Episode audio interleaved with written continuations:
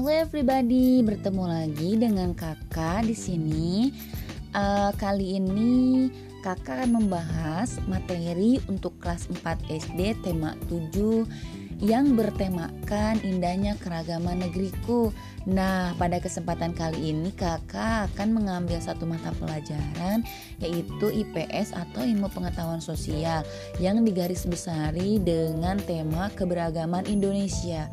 Nah, karena keberagaman Indonesia itu sangat banyak sekali, sangat e, melimpah ruah sekali ya, adik-adik. Maka kakak akan merumuskan materi mengenai kerap keberagaman Indo keberagaman kebudayaan di Indonesia ini uh, dengan lima subbahasan ya. Yang pertama yaitu mengenai keberagaman suku-suku di Indonesia. Yang kedua, mengenai keberagaman tarian-tarian daerah. Yang ketiga, mengenai keberagaman makanan khas daerah. Yang keempat, mengenai keragaman agama di Indonesia. Yang kelima, mengenai jenis-jenis masyarakat berdasarkan jenis wilayahnya. Nah, adik-adik, uh, sebelumnya uh, ada yang tahu apa itu keragaman budaya? Ya, jika tidak tahu, maka kakak akan menjelaskannya. Keragaman budaya yaitu merupakan variasi atau jenis-jenis budaya yang dihasilkan oleh berbagai suku bangsa berkaitan dengan kekayaan alam dan luasnya wilayah. Nah, keragaman sosial dan budaya itu merupakan sumber daya yang membuat Indonesia dikenal dunia. Oleh sebab itu kalian tahu kan kalau Indonesia itu merupakan negara kepulauan, negara seribu pulau dan negara seribu kebudayaan yang berbeda pada tiap pulaunya. Nah, Um, oleh sebab itu sekarang kakak akan bahas mengenai poin pertama yaitu keragaman suku di Indonesia. Nah sebelumnya adik-adik ada yang tahu apa itu suku bangsa atau etnis? Hmm, baik, kakak akan menjelaskannya terlebih dahulu ya. Suku bangsa atau etnis merupakan golongan manusia mengidentifikasi diri dengan sesamanya berdasarkan garis keturunan yang dianggap sama, merujuk kepada kesamaan budaya, bahasa, agama, dan perilaku. Nah, adik-adik, ciri perbedaan dari suku bangsa yaitu di antaranya satu memiliki bahasa daerah yang berbeda-beda dengan antara satu suku dengan suku lainnya. Yang kedua adat istiadatnya pastinya ya berbeda dong. Yang ketiga, sistem kekerabatannya. Yang keempat, kesenian daerah. Yang kelima, tempat asalnya. Yang keempat Uh, yang keenam, bersifat tertutup dari kelompok lain. Yang ketujuh, memiliki nilai dasar yang tercermin dalam kebudayaannya. Nah, yang terakhir, memiliki komunikasi dan interaksi yang berbeda-beda antara tiap sukunya. Nah, adik-adik, di sini ada yang udah tahu belum uh, jenis-jenis atau beberapa suku bangsa yang ada di Indonesia? Nah, di sini kakak akan menyebutkan beberapa suku bangsa Indonesia yang ada di Indonesia, yaitu ada suku Jawa yang berada di Pulau Jawa. Yang kedua, suku Batak dan Nias yang berada di Sumatera Utara. Yang selanjutnya, suku Minangkabau yang berada di Sumatera Barat. Lalu suku Sunda yang berada di Jawa Barat Seperti kita sekarang ini adalah termasuk suku Sunda ya adik-adik Lalu yang ketiga, eh yang selanjutnya maaf, yang selanjutnya adalah suku Betawi yang ada di Jakarta. Lalu suku Madura atau Tangger yang ada di Jawa Timur. Selanjutnya suku Dayak dan Banjar yang ada di Pulau Kalimantan. Lalu suku Sasak dan Sumbawa yang berada di, di Nusa Tenggara Barat.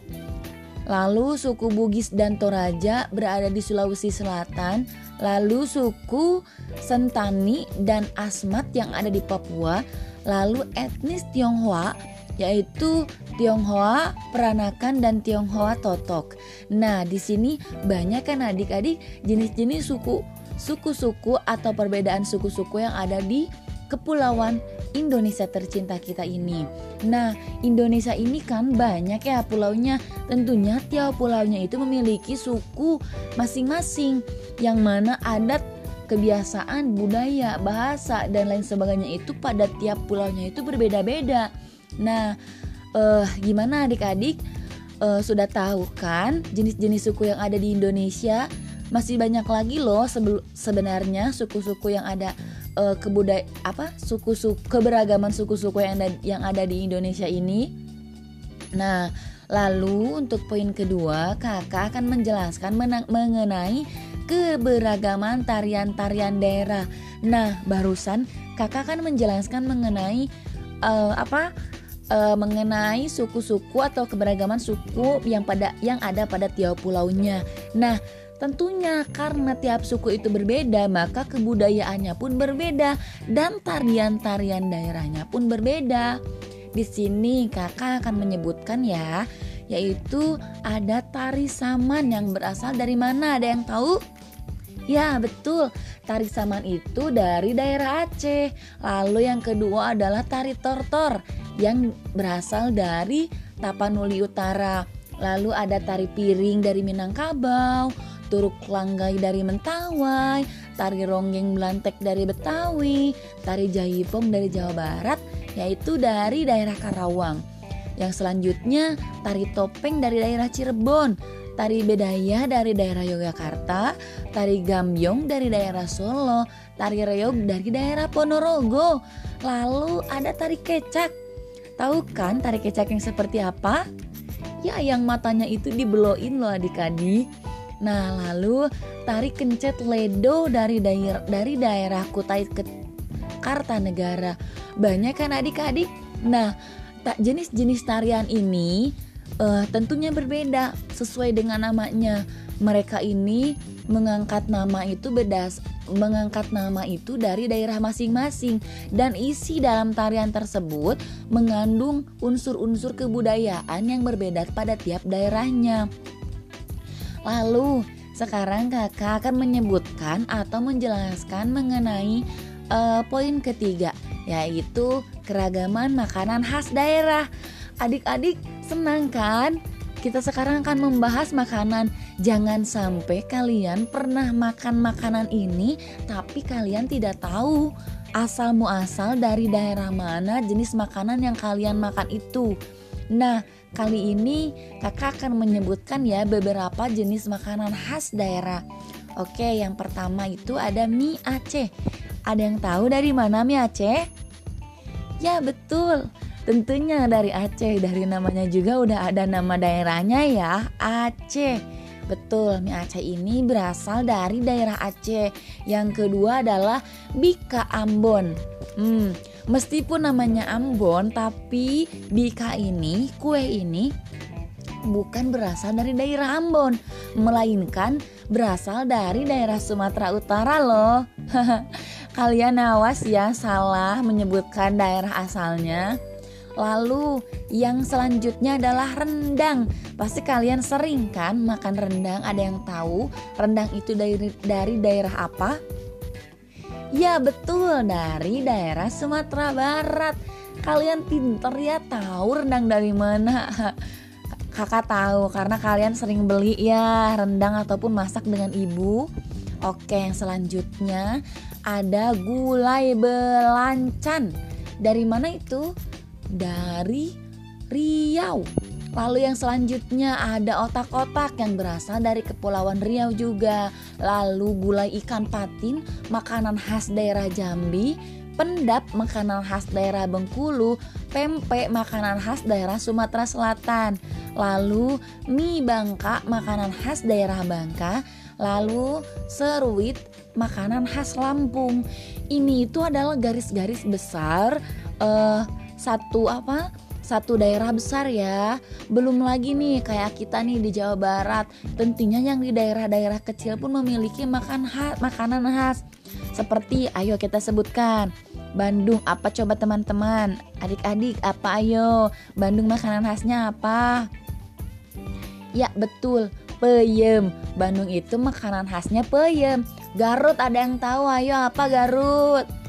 Hmm, betul. Iya betul piknik iya dodol piknik. Adalah makanan khas Garut. Piknik itu mereknya aja ya. Kalau makanan khasnya itu uh, dodol. Lah lalu yang selanjutnya uh, Sumedang apa? Ayo ada yang tahu Sumedang makanan khasnya apa? Ya betul, makanan khas Sumedang itu tahu. Kalian sering makan ya tahu makanan khas Sumedang itu tahu loh.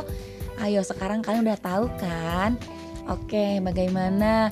Banyak kan makanan-makanan khasnya di daerah besarnya pun banyak makanan khasnya dan bervariasi rasanya. Apalagi kalau udah kita masuk ke, ke suatu daerah atau kota tertentu yang ada di daerah besar itu. Wah, pastinya bakal lebih banyak lagi makanan-makanan yang bener-bener enak dengan variasi rasa yang berbeda. Wah, kaya banget ya negeri kita ini memiliki budaya yang sangat berbeda-beda dan bervariatif juga. Nah, lalu untuk materi selanjutnya, kakak akan membahas mengenai keragaman agama di Indonesia. Ada yang tahu ada berapa agama yang diakui di Indonesia? Empat? Hmm, bukan. Tiga? Oh, bukan juga. Lalu berapa ya? Ada yang tahu? Iya betul, enam. Pinter banget adik-adik.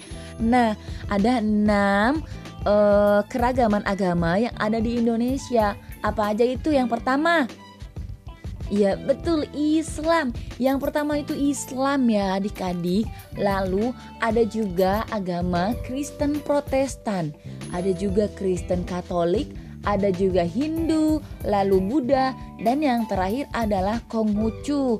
Nah, dalam menang, dalam menghadapi keragaman agama, kita harus menjalankan sikap toleran, saling menghormati dan bekerja sama antar pemeluk agama agar terciptalah suatu kerukunan.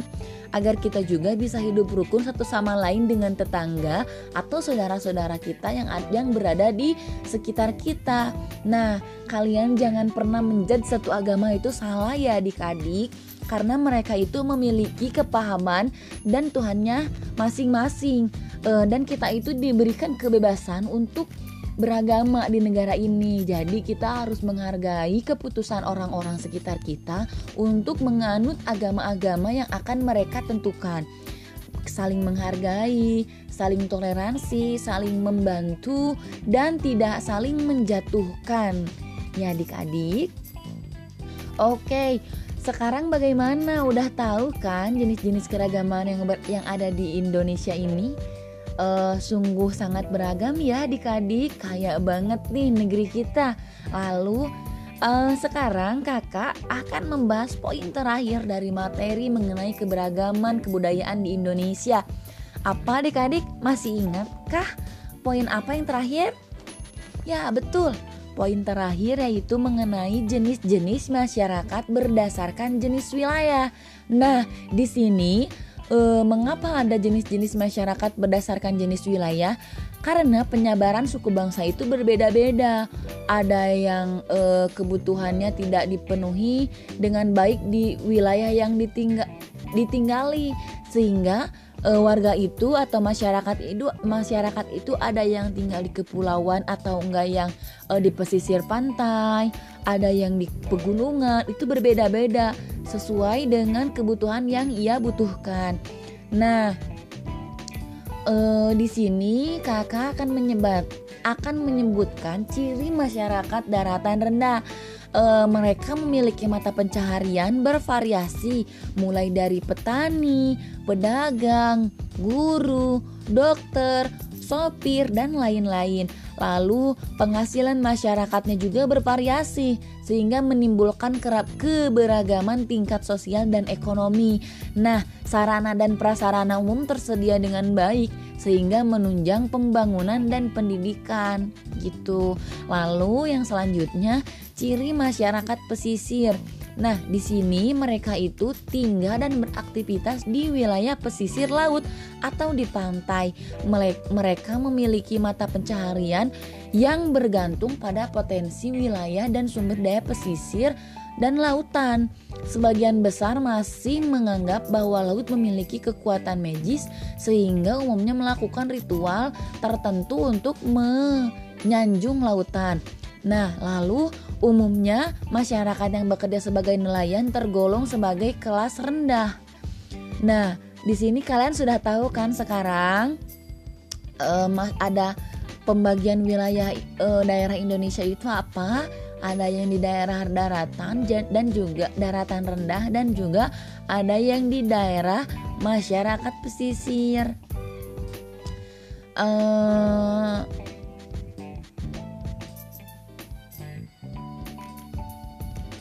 Oke, okay.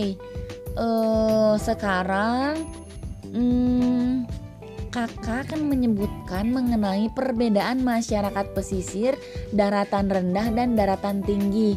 Ada keragaman mata pencaharian. Uh, di masyarakat pesisir, nelayan uh, mata pencahariannya seperti nelayan, budidaya rumput laut, dan kerang mutiara, petani garam, budidaya ikan dan udang.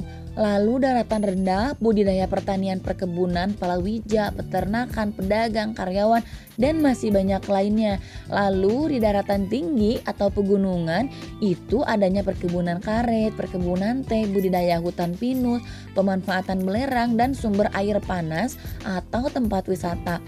Kalau di daerah kita itu di Bandung seperti adanya eh, apa ya?